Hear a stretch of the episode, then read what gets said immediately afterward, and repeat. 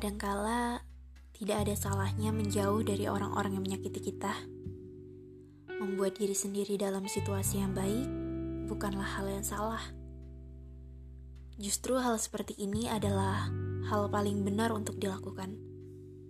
Tidak peduli bagaimana orang lain menilai atau mereka berkomentar, sebuah pilihan yang kita pilih mungkin saja sudah tepat meskipun dianggap salah oleh yang melihat. Jangan pedulikan karena nyatanya yang tahu tentang diri kita hanyalah kita sendiri. Halo Ha, aku Vanilla Latte. Pernah denger nggak? Kalau belum pernah, coba dengerin audio singkat ini dong. Maunya kamu peka tanpa aku harus bicara. Tapi ternyata nggak peka. Hai, selamat malam. Buat kalian yang malam ini sedang menghabiskan waktu untuk sekedar rebahan, menatap langit-langit, sambil memikirkan sesuatu yang tidak perlu difikirkan, atau biasa disebut overthinking. Nah, lebih baik dengerin Bisa Lara bicara soal luka bareng Ara. Enjoy! kenangan masa kecil yang buruk, masa remaja yang menyebalkan, sampai akhirnya duduk di bangku kuliah. Rasanya banyak banget hal yang udah jauh berubah. Meskipun ternyata ada hal yang gak sesuai harapan.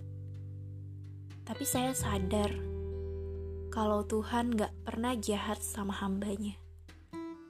Dari masa-masa saya sulit, Bahkan sampai hari ini jika masa-masa itu datang kembali, saya terus berusaha untuk melewatinya. Terkadang saya sadar jika kesalahan-kesalahan saya berulang meski ternyata nggak segampang itu untuk menjadi sosok manusia sempurna di mata banyak orang. Saya hanya manusia yang merasa mungkin kesalahan saya nggak pantas untuk dimaafkan. Hanya saja, meski berulang kali, kesalahan yang sama saya lakukan, saya tetap tidak menyerah untuk berusaha menjadi orang yang terlihat baik atau orang yang baik ke depannya. Saat itu, saya diberi kesempatan untuk bertemu dengan teman-teman saya yang sudah lama sekali rasanya kami tidak bertemu. Tidak saling sapa. Tapi ketika saya ketemu, entah kenapa perasaan takut saya datang gitu aja. Saya ketakutan tentang apakah mereka membenci saya. Bahkan saya diabaikan begitu saja. Apa saya ada salah? Sebenarnya saya ingin menjadi orang yang tidak peduli akan apa pun. Tapi nyatanya belum bisa. Saya masih suka kepikiran hal-hal yang seharusnya nggak perlu dipikirkan. Bahkan ketika hari sudah berganti sekalipun, pikiran saya bergumam sendiri. Lagi-lagi, saya salah apa? Apa karena kadang saya terlalu pendiam?